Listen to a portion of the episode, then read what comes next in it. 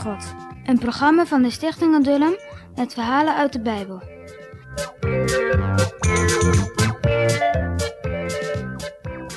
In ons vorige verhaal hebben we samen gezien, jonge luisteraars, dat Aaron op die berg gestorven was.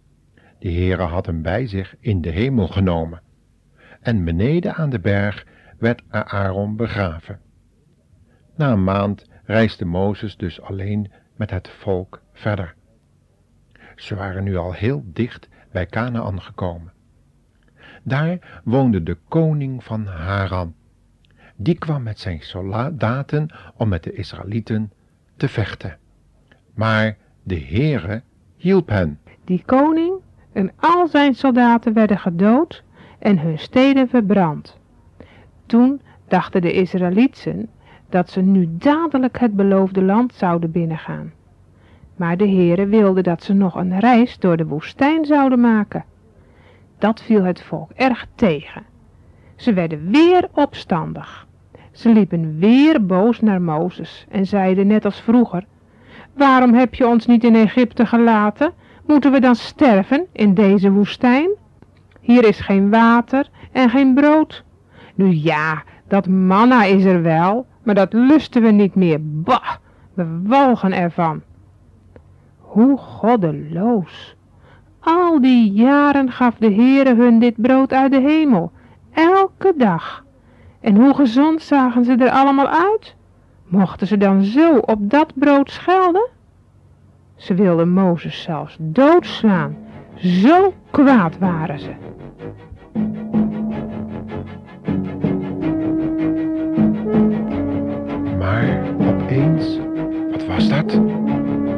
Wat is er nu gebeurd? Overal kropen slangen over het zand.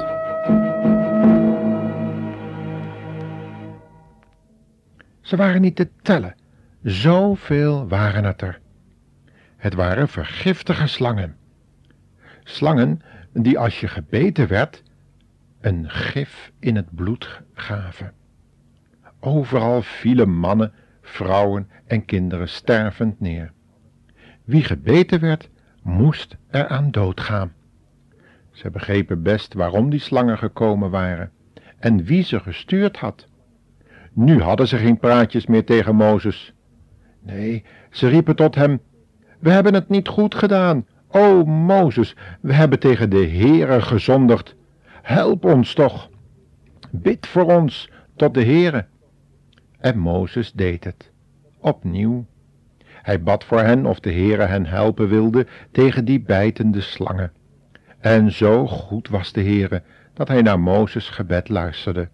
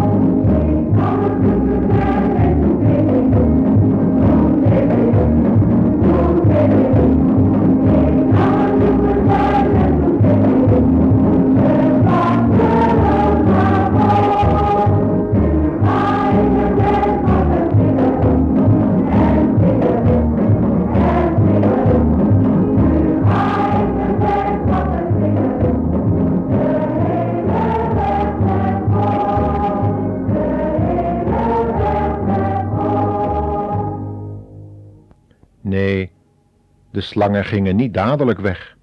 Die beten nog wel. En de mensen vielen nog altijd neer.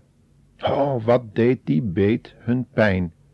Maar de Heere zei tegen Mozes dat hij een slang van koper moest maken. Die moest hij op een lange stok binden, zo dat iedereen het zien kon. Wie nu door een slang gebeten was, moest naar die slang van koper kijken. En wie er naar keek, die zou niet sterven, maar genezen, zelfs al was hij al bijna dood. En Mozes deed het, zo vlug hij kon, want er werden heel veel mensen gebeten. En keken de mensen naar de slang van koper?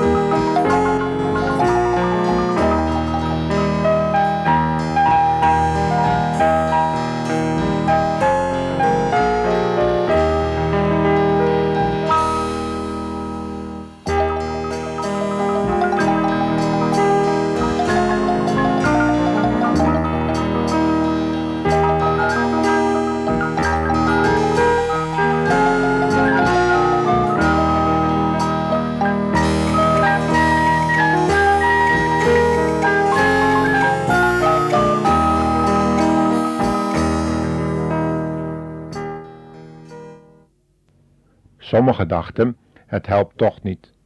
Anderen wilden niet kijken. Geen van hen geloofde in wat de Heere had beloofd. Zo stierven ze om hun eigen schuld.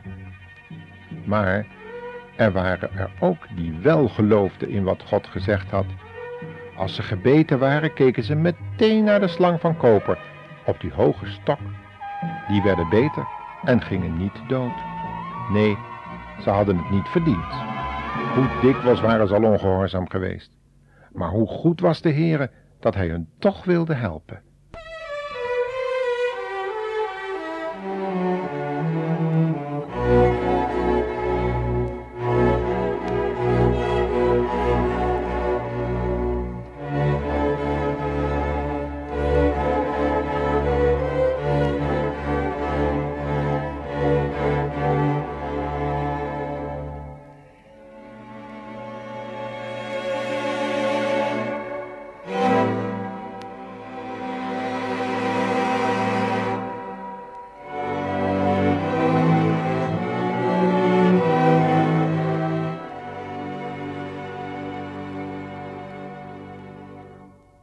En die een nieuw hart gekregen hadden, dachten dan ook aan de beloofde Verlosser, die door de Heere gezegd was dat hij komen zou.